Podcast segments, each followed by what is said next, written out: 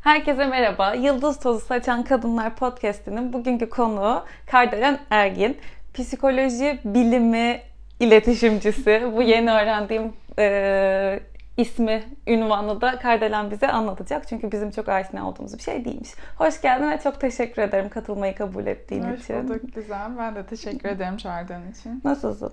İyiyim, süperim. Sen nasılsın? İyiyim. Benim bir arkadaşım psikolog olan bir kere ona nasıl hissediyorsun kendini dedim. Şok oldu. Hiç bana bu soru sorulmamıştı. Hep ben soruyorum diye. O yüzden çok seviyorum size sormayı bunu. Nasıl hissediyorsun kendini? iyi misin? Kendimi rahat hissediyorum. Evet, Süper. ben kendime sık sık sorduğum için. Çok güzel bir şey.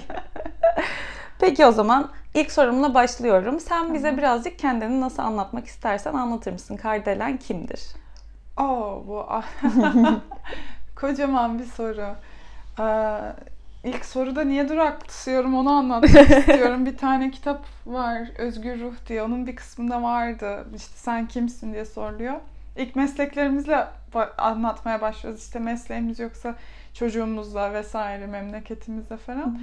O kısmı okuduktan sonra şimdi sen kimsin sorusu kocaman bir soru oldu benim için. Kardelen isminde bir deneyimleyenim diyeceğim ama konu çok başka bir yere gidecek oradan. O zaman ben konvansiyonel şekilde cevaplayayım. Ben kimim? Ben Kardelen Ergin ya da Kardelen Cergin. Evet. Ben Kardelen Cergin diye. Gergin evet. Ee, psikoloji bilim iletişimcisiyim ama o ne demek işte bilim iletişimcisi aslında psikolojiyle ilgili toplumu bilinçlendirmeye ve bilgilendirmeye çalışan bir insanım. Bir yandan hı. Instagram'ımda, öte yandan da danışmanım. İnsanlar işte şu anda bizim de kaydederken bulunduğumuz odaya Evet. geliyorlar ve onlara yardımcı olmaya çalışıyorum. Ee, kadınım şu anda kendimi bildim bileli. Ee, 30 yaşındayım. Bilmem başka neler tanımlayayım. İstanbul'da yaşıyorum. Süper. Yo ya sen de nasıl anlatmayı seviyorsan diye sordum. Zaten diğer sorularımla ilerleteceğim şimdi. Hay hay. Demin sana sorduğum şey C, Kardelen C, Ergin'in C'si nedir? C'si Canan. Babamın koyduğu isim. Kardan da annemin koyduğu isim. Çok- Bir de babam da Celal Ergin'dir. Cergin der o kend- Onun e-mailleri Cergin'dir. Dolayısıyla ben de o Kardelen Cergin Çok derken güzel. oradan böyle bir psikolog olunca ya da psikoloji alanında çalışan olunca hemen oradan görüyorsun Kardelen bak yaptığının farkında mısın diye. Ama öyle Cergin dedim. Kulağa daha hoş geliyor Evet diye. evet ya öyle bir söylemesi de keyifli bu arada. Kardelen Cergin demesi yani. Aynı fikirdeyim. O yüzden Kardelen Cergin'le tamamım yani. Peki diğer sorumu da sorayım. Şey, e, senin Instagram ismin Kardit Habit Lab. Lab idi. Öyleydi ve değiştirdim onu. Kardelen Cergin Ha, o da değişti. Evet. Eskiden Kardit Habit Lab'tı. Hı hı.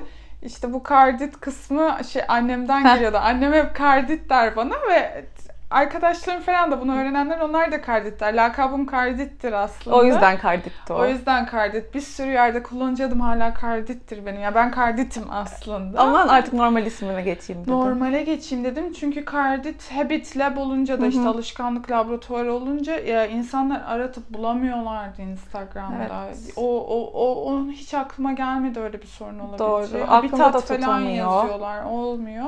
Ben de dedim ki daha kolay bir şeye İsmime geçeyim. gideyim İsmime artık. geçeyim. Tamam. evet. Bu iki benim çok merak ettiğim soruyu sizin için de sormuş oldum. Şimdi biraz akademik geçmişinden bahseder misin bize? Tabii ki. Ee, akademik geçmişim karma karışık. Biraz çetrefilli. Biraz çetrefilli çünkü ilk olarak zaten kaç? 2007'de aynen. 2007'de kimyager olarak yani kimya bölümüyle başladı Aa. akademik kariyerim. Evet. Ee, 2007-2014 arası ben kimya bölümü bünyesinde ama 2012 itibariyle de psikoloji bölümüne dadanmış bir insan olarak Kimyadan yani bir de. Tabii ki. Ya psikolojiye ilgim hep varmış benim ama hani geri dönüp baktığımda hatırlamıyorum ben tabii çok da. Ee, ben işte lisedeyken tabii e, biz yaşım itibariyle hani branş seçtiğimiz zamandı ya hani biz de lise Tabii çok. 2'de seçerdin branşını. Fenci misin, eşit ağırlıkçı aynen. mısın? Heh, ondan sonra da değiş yani değiştirmezsen eğer son sınıfa geçerken ÖSS'de yapamazdın. Hani Evet. ben şimdi psikoloji seçeceğim diyemezdin. Puanın Fenden çok düşük girip gelirdi. Aynen. Ben o bölümün şey, öğrencilerindenim yani. Ve e, çoğu insan tanıdık gelir bu herhalde. Aa bu kız fen matematik yapabiliyor o zaman fence olsun diyerek fene konmuş bir öğrenciyim. O dönem Ben de fenciyim ya ve tiyatro okudum biliyorsun işte. yani. o, o şey e, işte ana- analitik analitik zeka dediğim ben çok mühim, mühim bir şeymiş gibi gelecek kulaklara ama öyle değil yani. O tip zekaya sahip Evet. olmanın dezavantajlarından biri her şeyden mühimmiş gibi tepeye konuyor aslında. Evet. Halbuki ya bir saniye kimyada çok başarısız bir öğrenciydim bu arada. Gerçekten düşe kalka çıktım kimyadan. İlk dönemim full F falan böyle düşün yani böyle lisede sınıf birinciliği falan. Ya birincisi olmayayım da ilk, İyi. ilk üçte beşte falan öğrenci oluyordum genellikle. Öyle hatırlıyorum en azından. Sonra üniversiteye giriyorsun. İlk dönem bir harap. Hepsi F. Orada ego ciddi bir sarsıntıdan geçiyor tabii ki. Neyse. Ama güzel oldu neticesinde. Ben iki kimya okumuşum diyorum Hangi hala. okul? Boğaziçi'nde okudum kimyayı. Yani Şapka çıkarttım şu an. Saygılar. e, hoş bir okul. Evet güzel şeyler öğrettiler bize. Ee, 2018'e kadar yani 11 yıl ben Boğaziçi bünyesinde öğrenciydim. Evet işte girdim. Hep psikoloji dersleri almak istiyordum orada ama şöyle bir şey var. Psikoloji 101 ile fizik 101 aynı slotlara konuyor bizim okulda. Niyeyse herhalde fizik isteyen psikoloji istemez diye. Enteresan bir bakış açısı ya.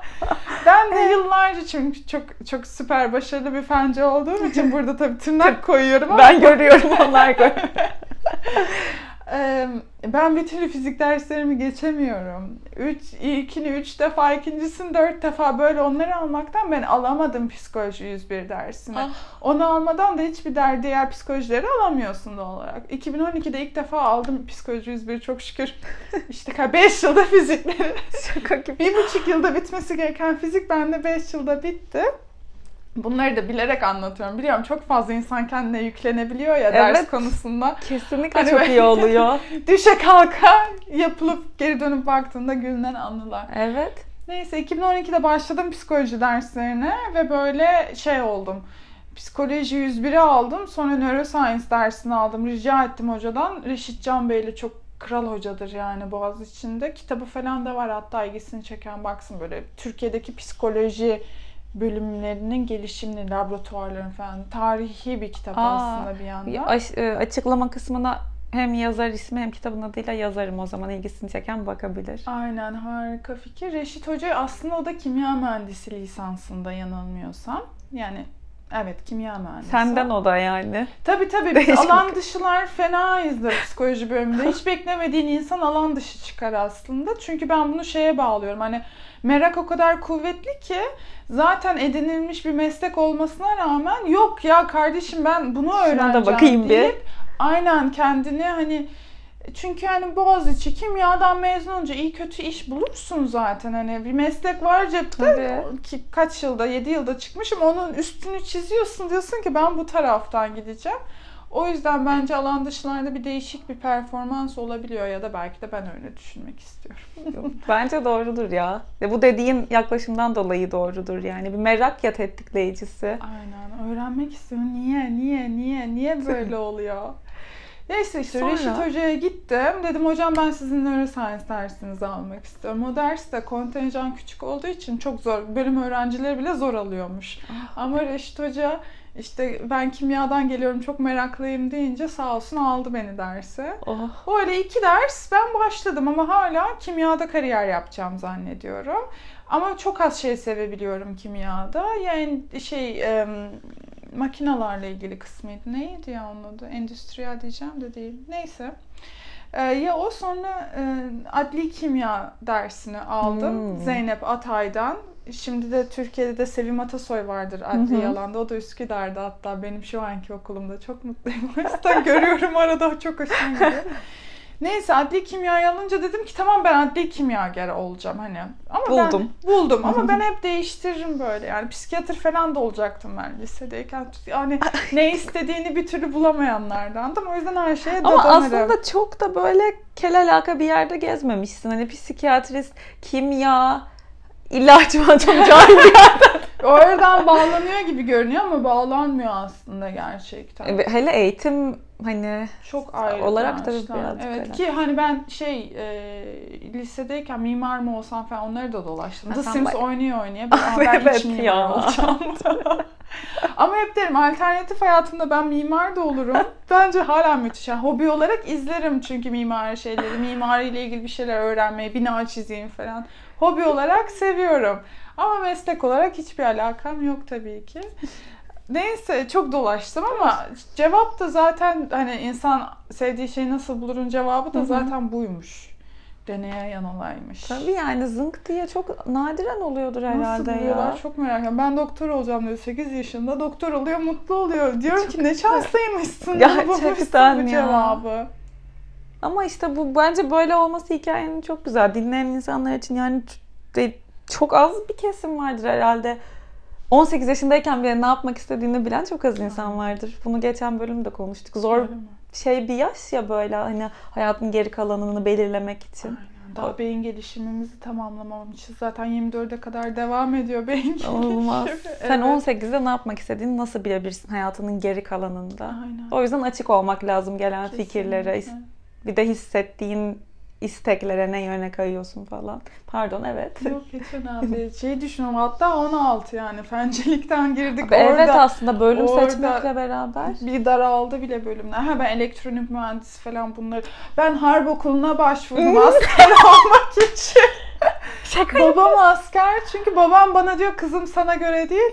Ben harp okuluna başvurdum ama Allah'tan erteledim hani son gün verdim PTT yetişmedi mektup. Çünkü yetişse benim mülakata çağrılmama gibi bir şansım yok. ÖSS puanım çok yüksek. Babam deniz albayı, annem tarih öğretmeni.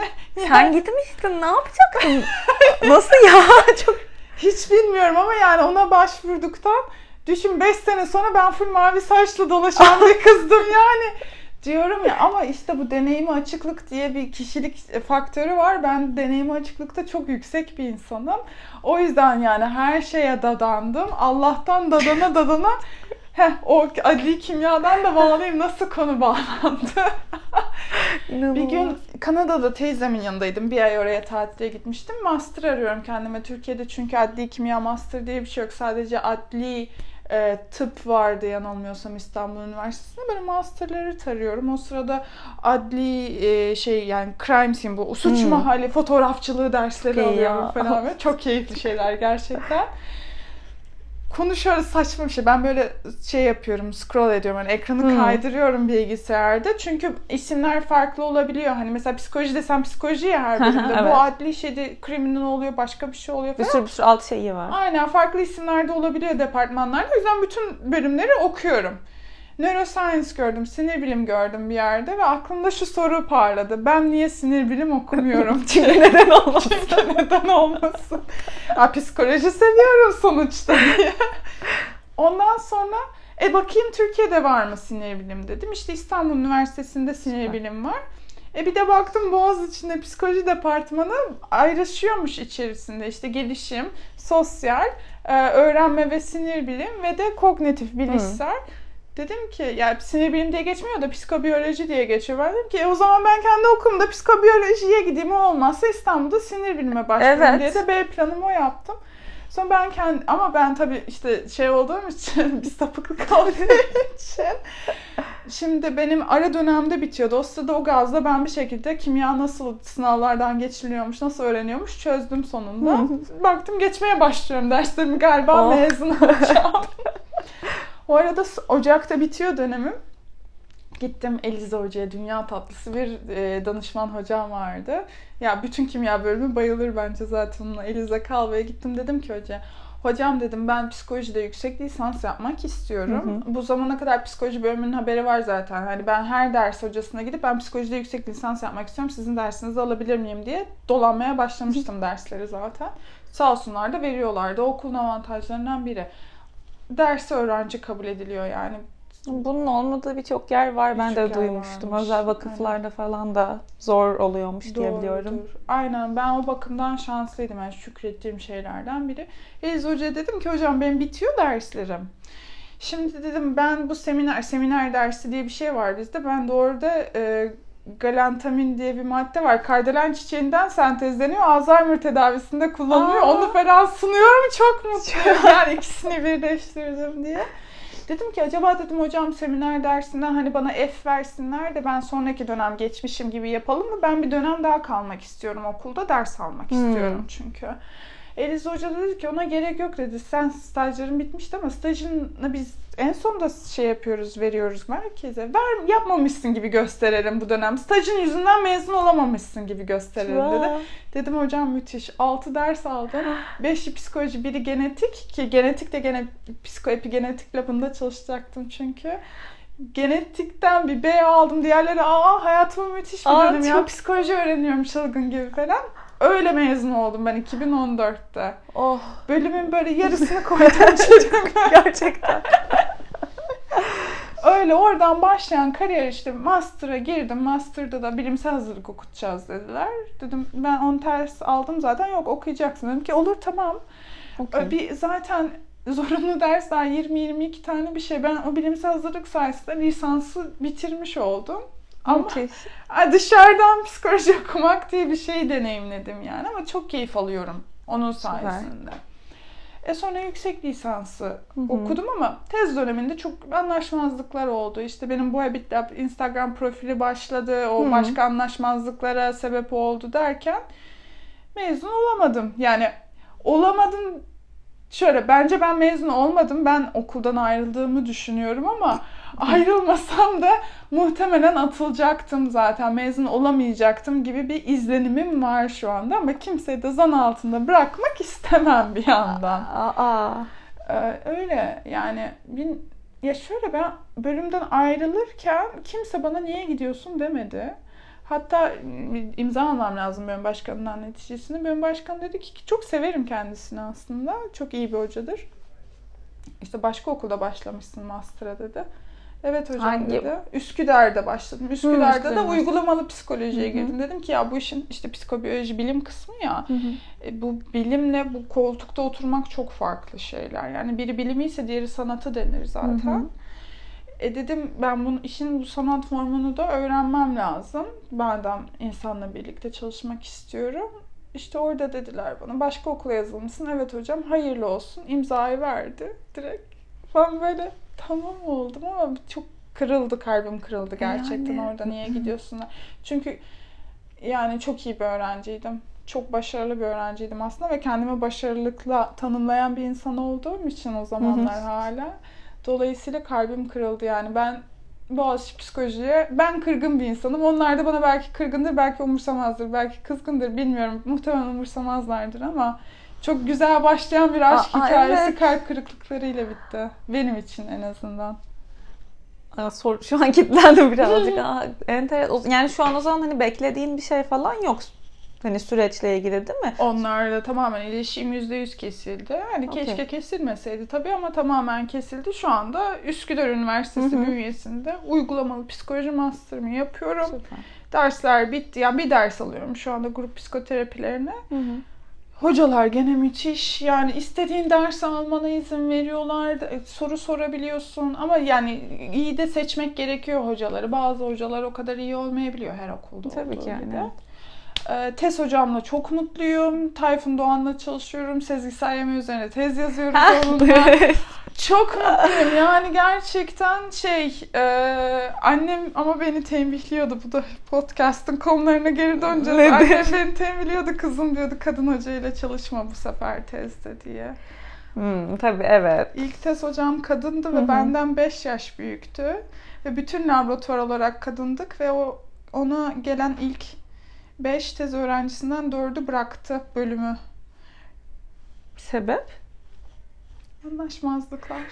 Allah Allah. Bazı çok enteresan mesela. Hmm. O yüzden psikoloji bölümlerinde çok fazla kadın vardır ve zaten şey vardır. Bir insan psikolojiyi seçtiyse ya etrafında ya kendinde bir şey düzeltmek Hı hı. istiyordur. Ki doğru Hı hı. yani hakikaten. Ama bu kadar kadını bir araya koyup yani bunu demek istemiyorum. Suçlu hissediyorum kendimi. Konumuz gerçekten bu yani. Evet bu kadar kadın bir arada hele ki evli değil. Ben daha çok evli olmayanlarda daha fazla problematik etkileşimler gözlemlediğimi düşünüyorum. O yüzden ben şey demişim yani ya erkek olacak bir sonraki tez hocam ya da yaşını almış, evlenmiş, gerekirse çocuğunu doğurmuş. Yani benimle bu arada benim tez hocam benimle yarışa girdi diye demiyorum. Hı genel Ama genellikle rastlanabiliyor. Genç e, akademisyenlerde hı hı. bir rüştünü ispatlama, bunu ispatlamak için tez öğrencilerini kullanma. Çok ciddi mobbinglerin yaşandığı bir alan. Ben tam tersine böyle iş yaşantısında beyaz yakada çok mobbing var. Ben orayla başa çıkamam. Ben kırılgan bir insanım. İşte akademi, bilim, bilgimizde ve zekamızla kendimizi taşıyacağız. Hı hı inancı, safça bu inançtayken ki çoğu insan bu saflıkla giriyor akademiye gördüğüm Hı-hı. kadarıyla.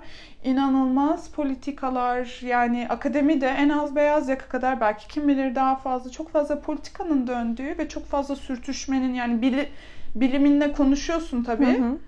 Ama nerede olduğuna göre de değişiyor. Daha çok insan ilişkilerin konuşuyor gene orada. Konuşuyormuş gene orada çok da. Ve sırf psikoloji bölümü de değil yani ben bir fizik profesörü hocam var. Yani ahbabız. Ee, bir tane makale yazmış. Ee, jüri hani jüriler görmez aslında makaleyi kimin yazdığını. Hmm. Blind olur, İsim kör bakılır. Hı.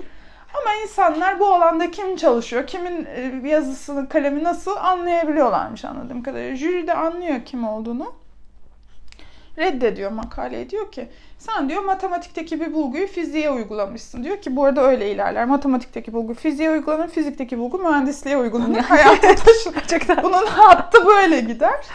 E, işte kişisel husumetten reddediyor makaleyi mesela. Maalesef bu olan bir şey ama bu örnekler erkek.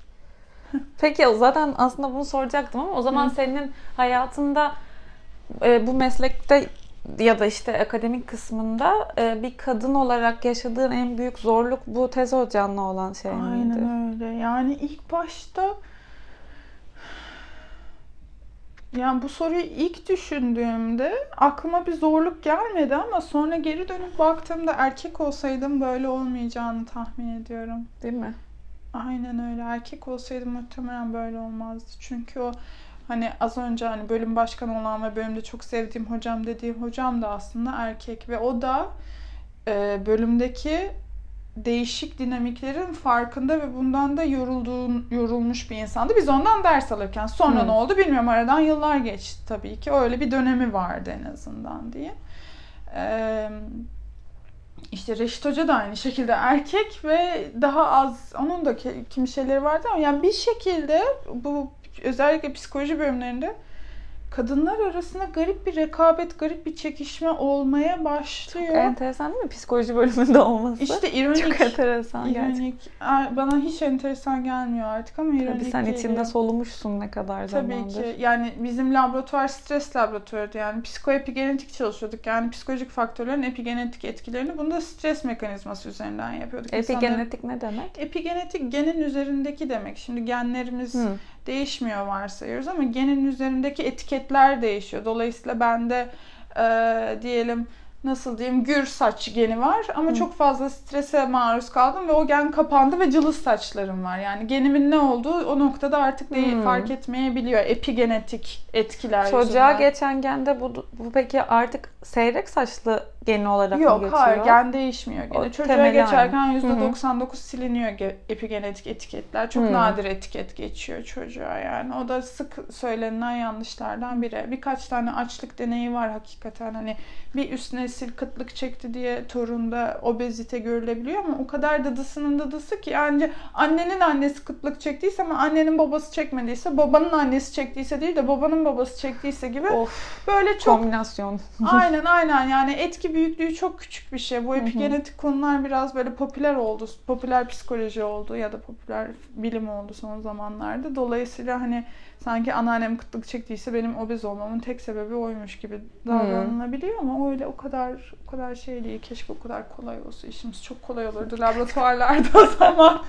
İşimiz o kadar kolay değildi. Neyse stres üzerine çalışıyorduk o laboratuvarda ve ben stresimi yönetememekten o hayatımın o döneminde majör depresyona girdim ve yani el, elden ayaktan kesildim gerçekten. Psikiyatra taşındım, terapiye başladım ve e, bayağı kötü bir dönemde doğal olarak.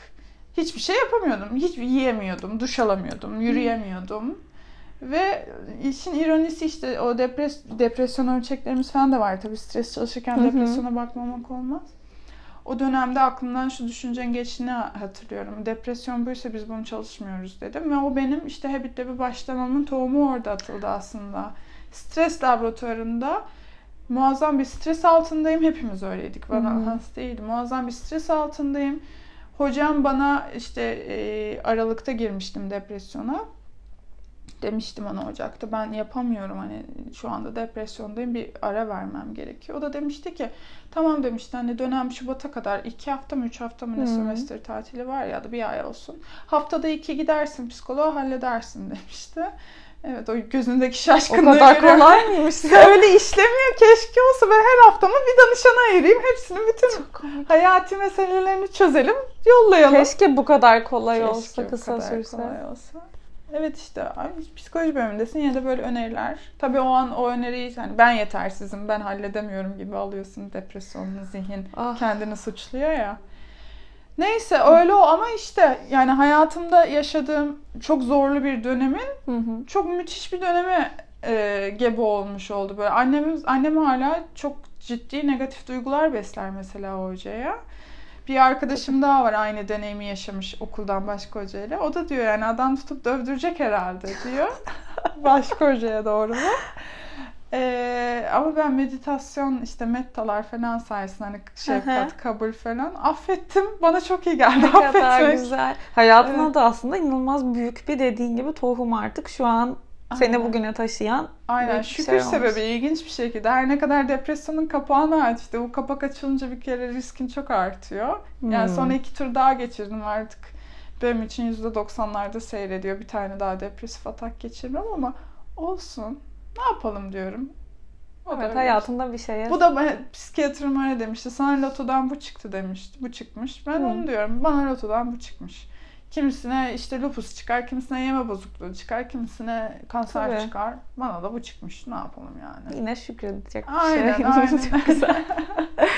Peki e, bu meslekle ilgili bu soruyu çok seviyorum. Hmm, En son ne zaman iyi ki bu işi yapıyorum dedin? İki gün önce falan herhalde. Instagram'da da paylaşmışımdır. Ben çok şükran doluyum Çok mesleğime. güzel bir şey. Çok seviyorum. Zor yanları tabii ki var her meslekte olduğu gibi Hı hı. ki ben de hani bir bir danışmanlık veriyorum bir yanda ama öte yanda bir de aslında Instagramcıyım. Hı hı, Dolayısıyla tabii. o ikisini bir arada yürütmek gerçekten çok zor. Çünkü Instagramcılık tek başına full time zamanını alabilecek bir şey. evet. Ee, Bir de çünkü sen bilgi veriyorsun. Ee, hani suya sabuna dokunmadan bir Instagram kullanıcısı olsan hani o şekilde yürütüyor olsan sorun değil de sen bilgi veriyorsun. Onun arkasında ciddi bir o bilgiyi toparlama, araştırma, kısaltma değil mi? Aynen Uygun öyle. fotoğraf seçme. Belki fotoğraf en kolay kısmıdır yani yazılım Şu anda dışında. fotoğraf en kolay kısmı gerçekten aynen öyle. Şimdi bu e, birkaç aydır iki tane stajyerim var. Çok tatlı iki kız Hı hı. Nurgül ile Melek. Ee, onlar bana postlarda biraz yardımcı oluyorlar Çok iyi. işte. Nurgül görselleri hazırlıyor. Melek Hı hı. şimdi onunla bir içerik denemesi yapıyoruz. Yani en azından biraz bir hazırlayıp Hı. üzerinden geçme. Hani benim işini kolaylaştıracak bir şey. evet e, düzenleme şeklinde düşünüyoruz. Çünkü paylaşmaya devam etmek istiyorum. Hı hı. Yani sadece odaya gelen de değil, odaya gelmeyen herkese de yardımcı olabilmek istiyorum elimden geldiğince ama benim de belirli bir miktarda saatim var hayatımda Tabii. diye. Bir de kardelen olarak da zamana ihtiyacın Tabii oluyor. ki aynen kendime vakit ayırmaya ihtiyacım oluyor ki akşam 8'e 9'a kadar ofisteyim. Hmm. Çünkü insanlar işten çıkıp geliyorlar. Öyle olunca işte sabahları kahve eşliğinde kitap okuyorum vesaire ama işte neyse e, o yüzden çok seviyorum mesleğimi. Çünkü e, bu arada bu sadece benim mesleğim için ya da benim için geçerli. Bir insan ötekine yardımcı olabildiği herhangi bir meslekte olduğunda genellikle mutluluğu daha yüksek oluyor. Yani araştırmalar da bunu gösteriyor. Çoğu terapist de sever mesleğini zaten. Evet. Yani Öyle. direkt bir hayata dokunabiliyorsun ve onu kısa süre içinde e, ne bileyim geri dönüşünü görüyorsun belki ya da bir teşekkür ya da bir güler Hı hı. yüz falan. Kesinlikle mesaj geliyor DM'lerden. Çok yani cevap veremiyorum artık ne yazık ki. Eskiden verebiliyordum. Şu anda veremiyorum ama çok çok mutlu ediyor yani yazıyorlar şöyle iyi geldiniz, böyle Ne iyi oldu güzel. diye. Ya çok ödüllendirici bir şey gerçekten. O yüzden diyorum ben herhalde işte PNG'de e, ya da Unilever'de Hı hı. bilmem nenin lojistiğiyle ilgilensem çok mutsuz Evet. olurdum. Ya da belki çok mutsuz olmazdım ama bu kadar mutlu olacağımı düşünmüyorum. Ya Senin için olan yol bu değilmiş yani Değilmiş muhtemelen. galiba. Evet. Herkesin tatmini başka bir yerden geçiyor Aynen hakikaten. öyle. Bir, bir- geçen de bunu konuştuk. Bazı insanlar da gerçekten orada olmaktan an- e, ya mutlu oluyor anladın mı? Hı hı. Çok enteresan bir şey bence. Aslında çok güzel bir şey. Bu kadar çeşitlilik olması çok güzel bir şey insan olarak etrafta. Ben her tanıştığım insanda farklı bir şey buluyorum ve çok Hı hı. hoşuma gidiyor benim. Bak bu da seni mutlu ediyor. Ben de aynı şeyi Aynen biz böyle. Hepsi farklı bir insan oluyor. Yeni bir bulmaca. Evet gerçekten öyle. O zaman en zor yanını da aslında mesleğin en zor yanı ne diye de soracaktım ama birazcık Instagram üzerinden sanırım Mesleğin en zorlandığım kısmı benim için Instagram kısmı oluyor. Yani oraya vakit ayırmak. Ee, ya onun haricinde ben zorlanmıyorum şu anda ama Hı hı. eğitim mütemadiyen devam eden bir şey bu meslekte. Yani ben işte sabah açıp okuduğum kitap bile şu anda bağlanma teorisi üzerine kitap okuyorum. Yani erkek arkadaşım geliyor diyor, diyor ki ya diyor benden gözümü açamıyorum sen kitap okuyorsun diyor ama gerçekten bu meslek öyle yani bu Mecbursun? Sürekli ki işte zaten eğitim olarak da alıyorum işte BDT eğitimleri, kabul kararlılık eğitimleri vesaire. Zaten ciddi bir eğitime zaman yatırımı oluyor. Onun haricinde de hani sürekli insanın kendini geliştirmesi gerekiyor. Çünkü insan çok kompleks ve henüz çözülebilmiş bir Tabii. şey olmadığı için kim neler demiş sen de kendince Ne toplamaya kadar çalışıyorsun. kapabilirsem kârdır. Hele sizin alanınızda görüyorum. Ya da benim etrafımda hep böyle çok çalışkan örnekler mi var bilmiyorum da hani psikoloji alanında sanki eğitimler bitmiyor sürekli. O geldi seminer 3 gün kapandı. Bu geldi bilmem ne sanki çok mütemadiyen. Bilmiyorum nasıl sence Türkiye ya da İstanbul'a özel mi bu? Çok güncel bir şekilde bu psikolojik alanda yeni çıkan şeyler, eğitimler, uzun süreli modül modül gerçekleştiren işte çalışmalar falan sanki benim açımdan çok çok güzel ve çok verimli gibi görünüyor. Öyle mi burada gerçekten? Ee, muhtemelen öyle. Alınabilecek eğitim sayısı gerçekten çok fazla ve bazı şeyleri de hakikaten öğrenmek gerekiyor. Mesela bana burada işte cinsel bozuklukla ya da yasla ilgili bir danışan gelse ben yönlendiririm almam onu. Çünkü eğitimim yok. Hmm. Bilmiyorum nasıl başa çıkacağım öyle bir konuda. Ee, Ama almak istesen bu eğitimler şu an var, var. değil mi? Tabii Süper. tabii CİTEP var mesela cinsel bozukluklarla ilgili eğitim veren. Sınıftan da uygulama psikolojiden arkadaşlarım da var alan. Hı hı. Benim ilgim oraya akmadı mesela belki ileriki ileriki bir zamanda ama şöyle bir şey de var. Her eğitim de illaki iyi olmuyor ve bir yerden sonra eğitimden eğitime koşturmak da bir savunma mekanizması aslında. Sürekli kendini yetersiz hissedip daha fazla eğitimle ha gayret şimdi yeterli olacağım Hmm. diye devam eden bir şey. O yüzden ona da bir dikkat etmek gerekiyor. Hani bir yer öğrendiklerini de uygulamaya koyman gerekiyor ki en çok uygulamada öğreniyorsun zaten. Tabii. Tabii doğru söylüyorsun. Aklıma şey geldi şu an. Sen miydin onu yazan? Hı. Ee, kötü bir an yaşamışsın ve sen de psik hani sen psikologsun bari sen yapma falan gibi Ha, bir şey. Yok onu İpek Gökozan yazdı. Aa o Ben İrem'in galiba Mortaz'da attı. Ha, öyle mi? Evet evet galiba, ilk bölüm konuğumun. galiba onun şeyinde görmüştüm. O muydu o? Sanki Evet. ben sen diye tutmuşum aklımda. Böyle bir şey var ama değil mi yani? Böyle bir algı var çok üzücü. Bana beslenme konusunda çok oluyor. Çok ironik. Psikoloji konusunda olmuyor. Hı hı. Niye olmadı bilmiyorum ama beslenme konusunda işte sen bunu yemezsin ya da sen hep sağlıklı mı besleniyorsun? Özellikle beslenme alanında çalıştığım için ama çok komik yani. Oraya aslında. şimdi geleceğim. Sona sakladım o en güzel kısmını. Yani her şeyi yiyorum aslında ama insanlar bazı şeyleri görmeyi seçiyor. Ya da işte bir kere şey olmuştu. Bir düğündü. Ee, yanımdakiyle tanıştım. İşte kilo vermek isteyen biriymiş. Hı. Mesleğimi soruyorlar. Diyorum işte beslen psikoloji alanında çalışıyorum. Özellikle beslenme psikolojisi üzerine çalışıyorum dediğimde işte bir pasta mı geldi? Bir şey oldu galiba. Düğün yani tabii ki pasta gelecek, bir tatlı ki. gelecek. Ben de düğün pastalarını çok severim bu arada. Düğünün en sevdiğim şeylerinden biri pastasıdır yani. Bazı pastalar güzel oluyor, bazıları güzel olmuyor. Tamam öyle dans edeyim falan insanı değilimdir. Yemeklerini de severim ama bence düğün pastası çok da... O ritüeller çok hoşuma gider benim. Doğum günü pastası da aynı şekilde. Doğum günde pasta yenir, düğünde pasta yenir. Evet değil mi? Bunların fix olması. Ben pasta hiç sevmem ama fix sembolik anlamını çok severim ben de. Kesinlikle katılıyorum. Hiç kendine pasta alıyor musun kardan durduk yere? Hayır. Bir dilim bile alıp hani ay bugün de pasta yesem yok. Ama o ritüel de Özel çok gün hoşuma şeysi. Aynen o kutlama anı. Böyle bakalım buranın pastası nasılmış. işte farkındalıkla yeme örneği oluyor aslında. Neyse yanımdaki kişilere şimdi senin yanında da bu yenmez ama dedi ben de o sırada pasta yiyorum ama.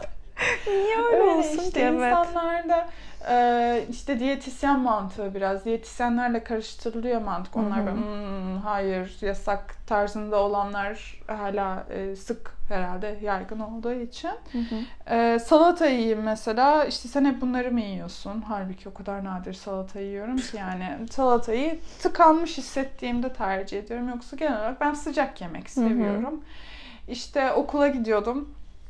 Geçen dönem işte bu dönemde gidiyorum. Gerçi geçen dönem giderken kendime işte yulaflı kuru yemişli bir mix hazırlıyordum ama onun da sebebi çok pratik. Koyuyorsun çantana acıktığın zaman Hızlıca. istediğin zaman yiyebiliyorsun. Ee, onu hazırlıyordum. Bir tane de kutu süt alıyorsun. Kestin koydun Evet. içine. Tamam ben bence problem çözücü bir öğün. Yani hayat kolaylaştırıcı olduğunu düşünüyorum onun.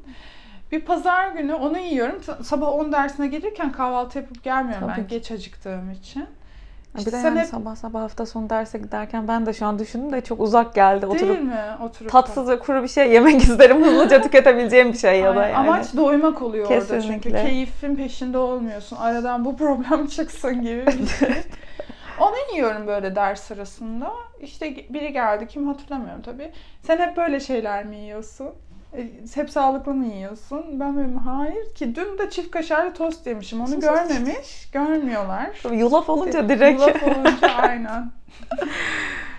Peki o zaman buradan da seninle sohbetimiz uzun sürebilir gibi olacak ama öyle olsun çünkü insanların eminim özellikle kadın e, dinleyicilerin çünkü başlıktan dolayı öyle bir hedefleme yaptım gibi oldu.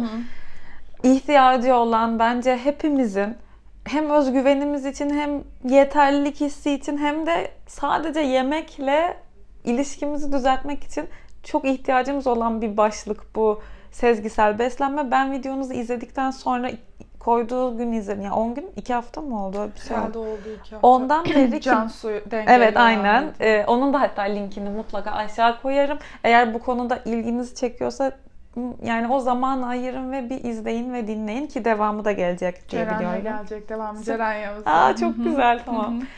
Ondan beri ki ben kendimi daha farkındalık bilinci olan yemekle de çok hani hiçbir zaman diyet üzerinden ilerlemiyorum. Sağlıklı beslenmeyi seven bir insan olarak görüyordum ama videoyu izledikten sonra fark ettim ki özellikle senin şeyin mesela bana çok iyi geldi. Yani ben acıkmadan kahvaltı ediyorum mesela onu Hmm. fark ettim. Neden?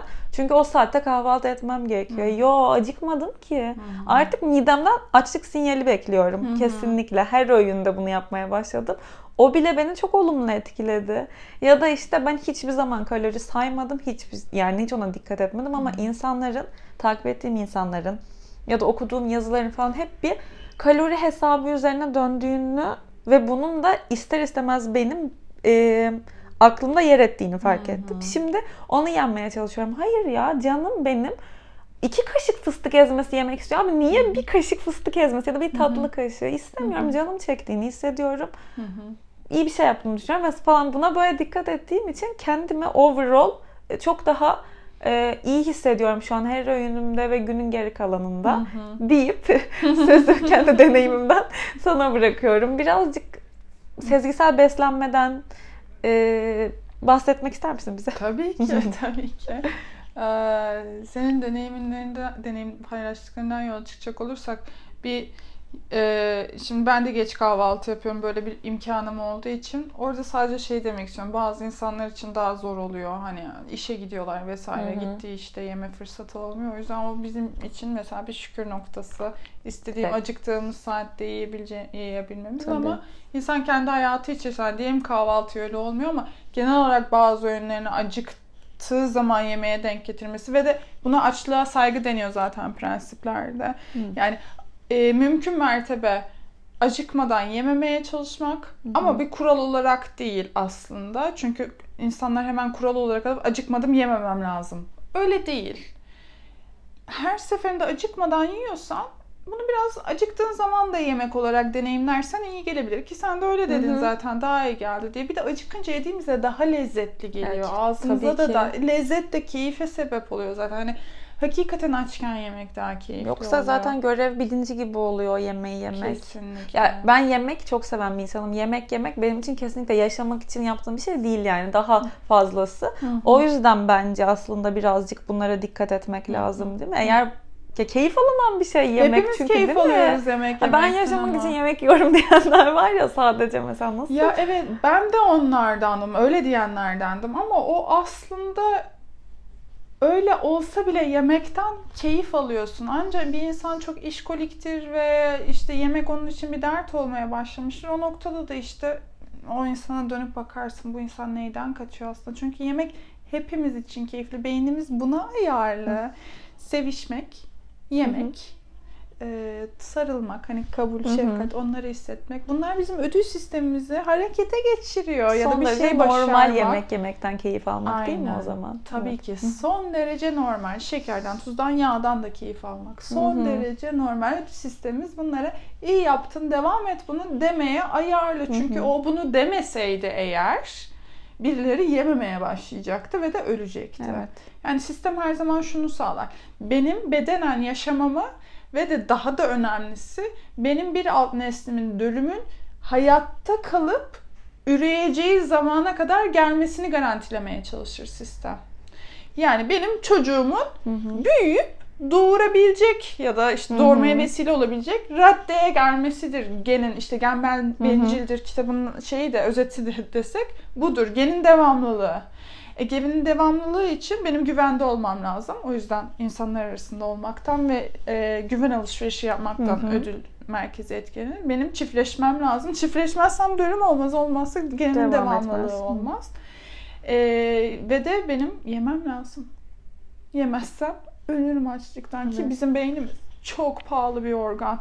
Ve ağırlık vücudun yüzde ikisi ama harcadığı enerji miktarı vücudun yüzde yirmisi. Yani ciddi bir İnanılmaz.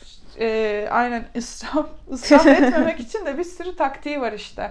Bu e, yiyecek şekere karşı yatkınlığımız da biraz buradan geliyor. Çünkü glikozla Nereden besleniyor. geliyor? Biraz anlatır Anlatalım Nereden tabii. geliyor mesela şeker olayı? Şimdi şöyle bir bizde onun tat duyusu var. Kedide yok mesela. Aslanda yok. Onlar Hı hı. etçil oldukları için şekere karşı bir olayları yok onların. Aslanı bir tane pastanın üzerinden duramayıp daha fazla yediğini görmeyiz. Tadını almıyor. Ödül merkezi ona tepki vermiyor çünkü. Ama biz primatların tepki veriyor buna. Meyvelere tepki veriyoruz. Bir de renkleri de iyi görürüz. Kırmızıyı görürüz. Çoğu hayvan görmez kırmızıyı aslında. Çünkü niye? Olgunlaşmış meyveyi tespit edebilmemiz gerekiyor. Olgunlaşmış Hmm. meyve şekerlidir, tatlıdır. İşte şekerli olduğunu tadından anlıyoruz zaten. Tatlıdır ve bu beyni yaşatmak için bizim o tatlıya ihtiyacımız var. Şimdi ama bundan işte diyelim 100 bin yıl öncesine gidelim. Yani tarımdan önceye gitmeye Hı hı. çalışıyoruz. Tarımda her şey, bütün sorunlar tarımdan sonra başladı. O başka bir podcast konusu olur artık. Ee, gittik. E ne oluyor? İşte özellikle e, kadın kısmısı, kadınlar özellikle toplayıcılıktan mesul. Ve işte kökler, kökler genellikle tatlı olmaz ama işte nişastalı olurlar. Havuçtur, patatestir gibi. Hı. Ve bir de nuts dediğimiz bu çekirdekler var tabii. Hı hı. Onlar yağ açısından zengin ama ve de meyveler. Hı hı. Olgunlaşmış meyveleri tespit edip toplamak peşindeyiz. Ama şimdi meyve dediğimizde aklımızda marketteki muz canlanırsa doğru olmaz. O muzu biz eee ya Türkçesini unuttum İngilizceyi söyleyeceğim. Selective breeding yani orada şu iki muz daha tatlıydı hadi bunları çiftleştirelim Hı, diye aynen. diye eski muzlar çok daha az şekerli, çok daha az tatlı, çok daha büyük çekirdekliyken Hı hı. Şimdiki muzlar çok daha e, bizim Tatlı. tatlı. ihtiyacımızı tatmin edecek şekildeydi. Ama biz gittik. Muzu daha biz değiştirmedik ya Hı da hı. işte buğdayı hiçbir şey değiştirmedik. Bir meyveden alabileceğimiz tatlı miktarı ya da Hı. şeker miktarı çok daha azdı. Dolayısıyla beynin ödül sistemi onu yakaladığı anda oradan devam etmesi için kuruldu. Çünkü tatlıyı yemem lazım yoksa beynim Hmm. çalışmayacak. Beynim çalışmazsa öleceğim neticesinde. Bu yüzden ödül sistemimiz tatlıyı al, tuzluya çok tepki verir. Tuzluya neden bilmiyorum. İnsan, özellikle insanlara has. Diğer primatlarda pek yokmuş bu. Ama bizde var. O yüzden tuzla ilgili de problem yaşayabiliyoruz. Şimdi sistem evrimsel açıdan çok daha eskide kuruldu. Hı hı. Ama şimdiki yaşantımızda yani şu anda benim elimin altı hizasında çikolatalı kurabiye var değil mi? Gerçekten. Evet buradalar. Süreçte bazı tatsızlıklar yaşandı değil mi evrimden sonra bugüne kadar? Aynen ve şimdi o kadar hızlı erişebiliyoruz ki enerjiye. Bizim ödül sistemimizde bir güncelleme yok bununla ilgili. Sürekli aa bu bana iyi geliyor yemeye devam et Hı hı. sinyali veriyor. Masum ama yani. Tabii ki onu verecek. Ona göre kuruldu. Bizim ama çok şükür bir de prefrontal korteks dediğimiz Hı hı. bizi inhibe eden, dur bu sana iyi gelmiyor, dur duygusal hareket etmeyelim diyen beyin kısmımız Hı var. Şu anda bizi aslında daha çok o idare etmeye çalışıyor. Yani ödül sistemi bu çok güzel diyor. Prefrontal korteks de diyor ki haklısın abi çok güzel ama uzun vadede bu senin için iyi olmayacak. Biz uzun vadeye de oynayalım deyip bir başına oturduğumuzda sonsuza kadar yememizi engellemeye çalışıyor. Kimi durumlarda olmuyor tabii. Bu da işte normal dışı beslenme davranışı dediğimiz. Burada mı bir bozukluk olmuş oluyor o zaman? Ee, yani Şey, prefrontal yani korteks prefrontal aktivitesinde değişiyor. Söyleyene kadar ben biraz zaman geçti. PFC ya da oranın aktivasyonunda değişim gözlemliyor. Bu e, dikkat dağınıklığı ve hiperaktivite de gözlemleniyor. Düşük aktivasyon işte inhibe edemiyor, davranışına bir dur diyemiyor, anlık, dürtüsel Hmm. davranıyor, fevri davranıyor. Şey de var ya acıkınca sinirli oluyoruz. Evet ya. Aynı şey fevrilik başlıyor. Aktivite düşüyor çünkü yani gerçekten deneylerde görüyorlar bunu. Daha az aktivasyon var prefrontal kortekste. Şekerli limonata içerse Hı. kendini daha iyi inhibe edebiliyor ama tatlandırıcılı limonata içerse şekerli içtiğini zannederek inhibe edemiyor yine yani. Gerçekten şekerle besleniyor beynimiz ve buna Aa. bizim bir saygı göstermemiz gerekiyor. Acıkınca sen sen değilsin. Snickers mükemmel. Gerçekten evet ya duyduğum en doğru reklam metniydi bu gerçekten. Evet. Peki o sezgisel beslenmeden birazcık ben konuyu çok saptırdım. Oradan oraya oradan oraya sorular sorarak ama hani anlaşılır olabilecek ve hani hayatlarında tabii ki doğrusu kitabı okumak ve araştırmak da şu an böyle minik tatlı bir fayda sağlamak için soruyorum. Bakalım, deneyelim. Ee, sezgisel yeme aslında işte bizim bu e, çocuklukta sahip olduğumuz fabrika ayarlarına geri dönmeye çalışmak. Hani böyle eğer annesi henüz çok müdahale etmediyse çocuk acıktığında acıktığını söyler. Anne yiyecek bir şey var mı der. Bir şeyler yer, kemirir. Ondan sonra tabağını bitirmekle uğraşmaz. Doyduğunda kalkar, oyununa geri döner. Ama pirinçler peşinden ağlar. Bu kadar. Aynen. Pirinçler peşinden ağlar. İşte ne kadar pirincin varsa o kadar çocuğun olur. Böyle tehditlerle e, tabaklar zorla bitirilmeye başlanır. Bu noktada ne olur? Sen ne zaman doyduğunu bilmezsin ben bilirim. Ne zaman acıktığını bilmezsin ben bilirim. Sonra bu döngü diyetisyenlerle devam edebiliyor işte. E, hep başkası karar vermeye başlıyor. Ne zaman yiyeceğim, ne yiyeceğim, ne kadar yiyeceğim. Dolayısıyla o içten gelen o sezgisel süreç sekteye uğruyor. Bana güven olmaz. Birinin bana söylemesi lazım. Orada da bozuluyor yani. Ve sezgisel yemede bunun orijinaline dönmeye çalışıyoruz. Yani beden kendi içinde neyi ne kadar ne zaman yiyeceğinin sinyalini veriyor Hı hı. ve bunu duyalım. Çünkü e, hangi kitapta okudum emin değilim. E, Hungry Brain diye bir kitap vardı. Çok güzel beslenmenin sinir biliminden bahsediyor ama Türkçesi yok maalesef. Galiba Bazı kitapların bu- bunun da yok. Sezgisel, sezgisel beslenme. yemenin de yok ne yazık ki. Peki var biliyor musun öyle bir şey çeviri Ee, sürecinde falan mı? Çevirmeye girişen biri var evet ama Evet. galiba kitap evleriyle anlaşılamamış. Ee, orijinal kitap evi çok fazla telif hakkı istemiş sanırım. Sekte de yani şu anda bildiğim kadarıyla çevrilmiyor Umarım kitap. çevrilir ya. Keşke çevrilse. Kesinlikle katılıyorum. Ama işte Türkiye'de çok pahalı oluyor yabancı kitapların çevirileri genellikle. O yüzden de Doğrudur. tamamen uf, şey bir süreç, e, ekonomik bir süreç anladığım Hı hı. kadarıyla. Bu diğer kitapta Hungry muhtemelen Brain dedi. Hungry. Brain'de duydum diye hatırlıyorum. Şöyle diyordu. Dünyada obez olan tek canlılar insanlar ve insanların beslediği hayvanlar. Böyle durdum. Doğru. Ya gerçekten doğru. Çünkü biz kendimizi beslerken zaten hani endüstriyel ürünleri kullanıyoruz ama bunu dememin sebebi sağlıklı olsun ve her şey doğadan olsun manasında değil. Endüstriyel ürünler işte rafine ürün şeyler olduğu için eğer ki e, bu ödül merkezinin artık böyle hızla dönmeye başlamasına kendimizi kaptırırsak bu sefer problem oluyor. Ama benim şu anda elimin altında kurabiye olmasının sebebi bazen iki seans arası acıkıyorum ve ben Hı hı. gerçekten seanslarda aptallaşmak istemiyorum. Bu danışana saygısızlık. O zaman müthiş bir şey kurabiye, çikolata kaplı kurabiye olması. Çünkü beni kendime getiriyor ihtiyacım. Beynimin ihtiyacı Hı hı. olan enerjiyi sağlıyor. Yani endüstriyel ürünler tükaka değil. Her şeyin yeri ve zamanı var ve buna glikoz şurubu da dahil. Bir maraton Evet. koşucusu Gerçekten. glikoz şurubuna ihtiyacı olacaktır. 2 saat koştuktan sonra galiba Hı hı. e, kaslardaki glikojen depoları tükenmiş oluyor Hı hı. ve takviyeye ihtiyaçları oluyor. Yani her şeyin yeri ve zamanı var. Ya da ben Silivri'ye yazın gittiğimde anneannemler var orada. Hı. Pamuk şeker yemek benim geleneklerimden biriydi ya. Yılda bir defa yiyorum belki. Full şeker ama. Full şeker. Evet ama yani ama bir kere- yaşıyorum. Zehirlenmedim, kanser olmadım, ölmedim. Obez olmadım. Evet. Yani o siyah beyaz şeyi beyin çok yapıyor. Ha onun da sebebi dedik ya çok pahalı aslında enerji bakımından beyin. Beynimiz. Hı hı. Hep stereotipleştirmek ister bir şeyleri. İyi liste, kötü liste yapmak ister ki çok üzerinde düşünmesin her seferinde. Ha bu iyi listeden de deyip hareket Hı. edebilmek ister. Her şeyi e, Bunu kıs- çok yapıyoruz yemek. Bunu çok yemek yapıyoruz. konusunda özellikle şimdi düşününce. Aynen öyle. Yemek konusunda, insanlar konusunda, meslekler konusunda iyiler, kötüler, iyiler, Hep kötüler. gerçekten öyle. Ama baştan keşfetmek istemiyor. Her seferinde kapının başında ben bunu nasıl açacağım diye düşünsek Oo, aa, hiç tabii. bunları, bu icatları yapamazdık. Evet.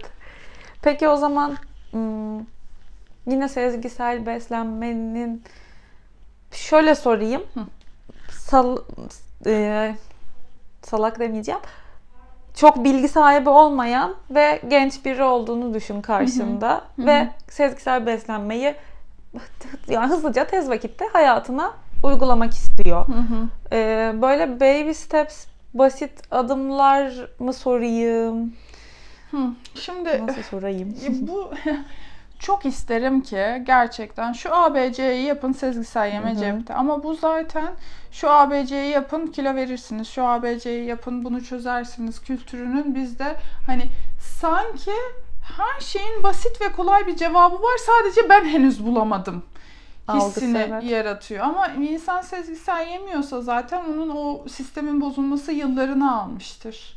Hmm. Bir günde bozulmuyor sistem ya da bir ayda bozulmuyor aslında. Dolayısıyla o sisteme geri dönmek için de aa bu kadar kısacık bir şey vardı ben bunu yaptım ve çözdüm o olmuyor. Ama insan işte şunlara dikkat edebilir en azından.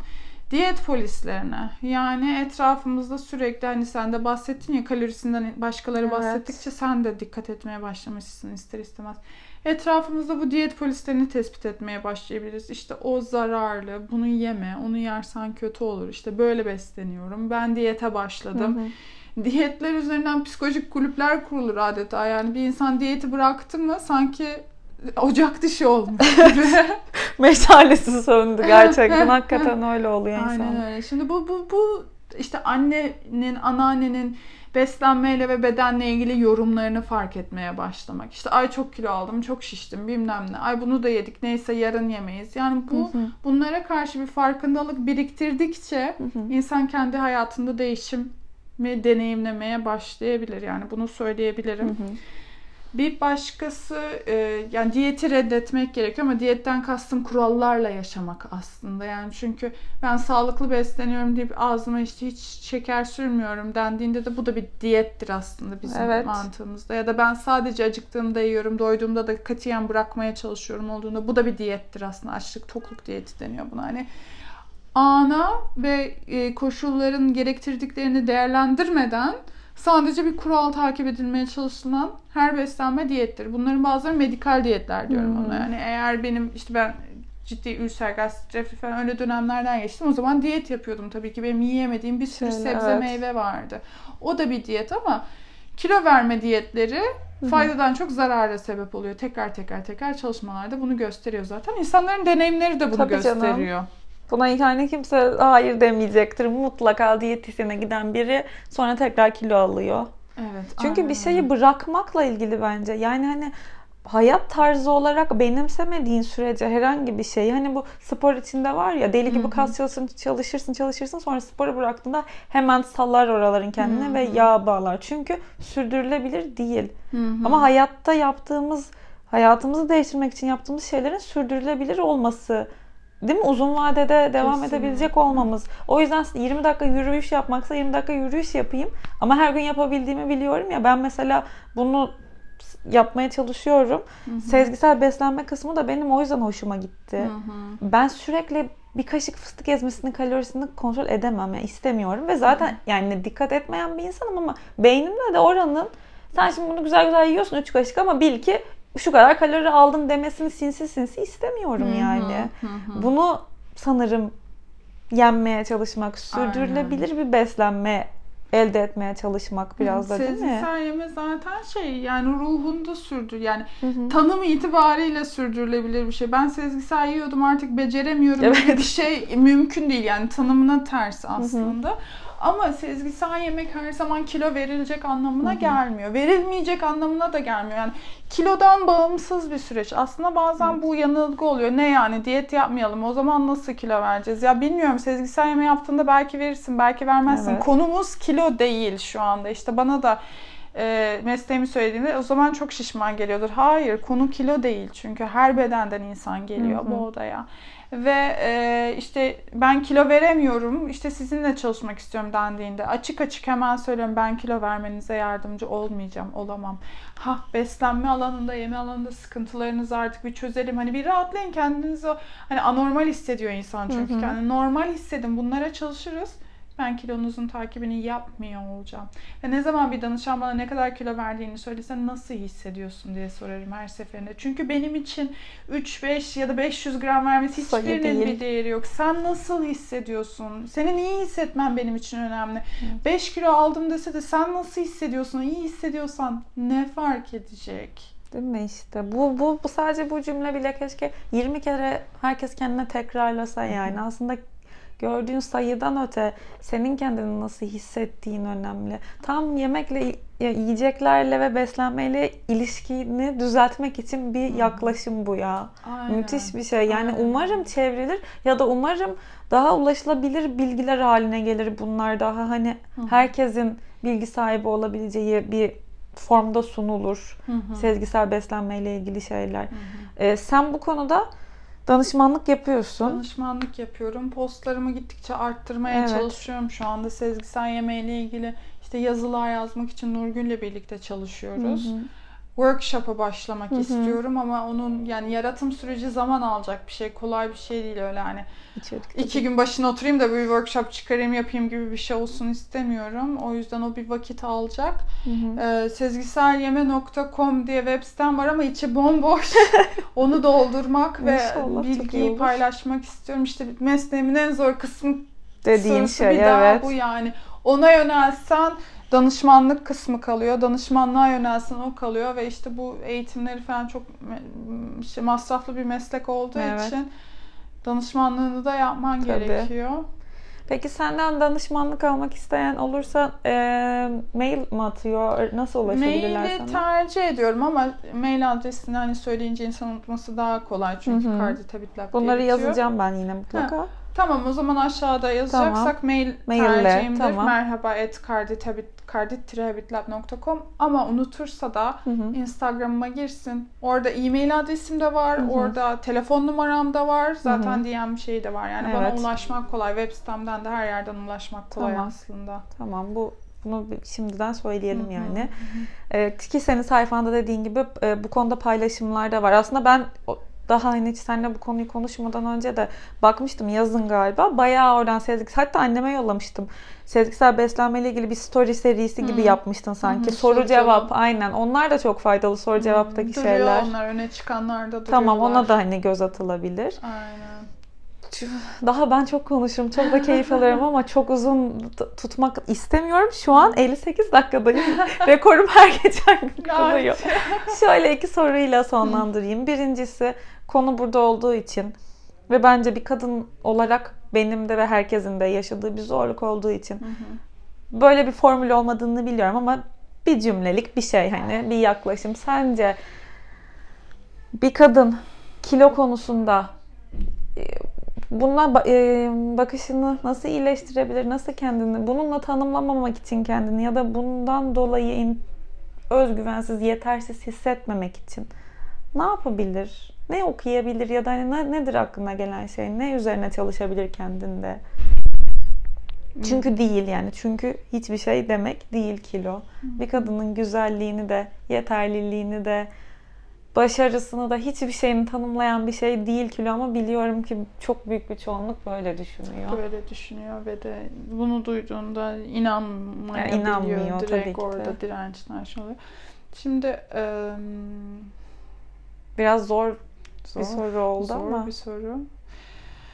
Yani ben tekrar tekrar danışanlarda görüyorum ki başlıyoruz kilo meselesiyle ama mesele anne baba ve başka hayattaki meseleler çıkıyor. Gerçekten çok az kişi de biz sadece beslenmeden konuşuyoruz. Onlar oldu mu gerçekten 4-5 seansta bitiyor ve huzurlu hayatına dönüyor gerçekten. Ee, o yüzden sanırım kişisel keşif Hı hı. bu da şu aralar özellikle popüler olan ve bence de popüler olmayı hak eden yöntemler meditasyon yapmak Hı hı. oluyor. En çok yardımı dokunan hani ne yapabilir? Meditasyon yapabilir. Nereden yapabilir sorusunun cevabı da ben en çok meditasyon Aynen. app'i öneriyorum. Kesinlikle. Ki orada da beslenmeyle ilgili seri yazdık Deniz'de. Hı hı. Orada da içerik var yani devam etmek Tamam. isteyenler için. Süper bu. Orada şu olabilir yani beslenme bir paravan. Genellikle dokunamadığım mesele yerine beslenmeyle uğraşıyorum gibi. O yüzden geri dönüp kendi kendimizle temasa geçmemiz gerekiyor. Acılı bir süreç. Ama bir insan ne yapabilir? Meditasyona oturup kendine şefkat yaratmayı öğrenebilir. Tamam. Evet. Cevap biraz alakasız bir yerden Yo, geliyor gibi aslında ama. çok alakalı evet ama sadece bir kere o şansı vermek lazım alakalı olduğunu görmek için. Aynen, aynen. Ya bir de yiyeceklere izin versin. Ya bu Yiyecekleri yemeyerek- etiketlememek. Aynen etiketlememek ve yemeyerek çözülmüyor bu iş. Yiyerek çözülüyor yani. Ben yiyebilirim. Ben yediğimde kötü bir insan değilim, başarısız bir insan değilim. Anında kilo almıyorum ya da obezleşmiyorum. Ya bunları fark edip çünkü beyne sürekli yasak yasak yasak diyoruz ama Evet. inanmakta çok zorlanıyor. E herkes yiyor diyor. Ben niye yemiyorum? Anormal hissetmenin sebeplerinden biri de o ya. Hı hı. O yüzden aslında bu iş yiye yiye çözülüyor. Ama çok tedirgin ediyor. Bunu insanları yazacağım anlayınca. başlığa galiba. Bu iş yiye yiye Çözülüyor. yazacağım. Peki o zaman bir de son olarak başlığa ithafen Hı. eee, senin hayatında yıldız tozu saçan kadının ya da kadınların var mı? Kim bu insanlar? Hmm. Ya bu annem falan demeyeceğim ben. Annemi çok Ya öyle severim herkes ama böyle bir herkes algı öyle var. diyor? Hayır hayır herkes böyle demiyor, ama değil mi? annem söylemem lazım falan oluyorlar böyle. Evet demek ki çok duymuşuz televizyonda medyada Olabilir. annem annem annem diye. Ya ben Zeynep Atay'ı çok seviyorum. Hı hı. Bu işte adli kimya hocası. Yani çok güçlü bir kadındı bence ve Hı hı. onun o gücünü görmek hani kadın olarak güçlü olabileceğini hatırlatıyor sana bence. Hı hı. Onu çok seviyorum. Ee, onun haricinde böyle tek cevaplı sorularda pek iyi değilimdir. Şu anda bugün ama Zeynep Atay'dan bahsettiğim için Olsun. aklıma o geldi. O Yani şu an için demek ki bu direkt sana Evet, çağrıştıran yıldız için- tozunu. Süper. Evet, benim yıldız tozum Zeynep Atay bugün. Çok teşekkür ederim. O kadar keyifli bir sohbet oldu Ben ki. Keşke ederim. 4 saat falan çekebilsek yani. Ee, o zaman sana nasıl ulaşabileceklerini aşağıya yazacağım. Daha fazla bilgi almak için Instagram sayfamda göz atabilirler. Ee, Bana sormak istediğiniz, söylemek istediğiniz bir şey olursa info.gizemvatandos.com mail atabilirsiniz. Instagram'dan da @gizemdemirel her zaman oradan söyleyebilirsiniz. Bir önceki bölüm için ve diğer tüm bölümler için yorumlarınıza, görüyorum, like'larınıza, bizi listelerde yukarı çıkartmanıza çok teşekkür ederim. Umarım faydalı bir bölüm olmuştur. Ben öyle olduğuna inanıyorum. Bir sonraki bölümde görüşürüz. Kaydına tekrar çok teşekkür Ben ediyorum. teşekkür ederim. Hoşçakalın.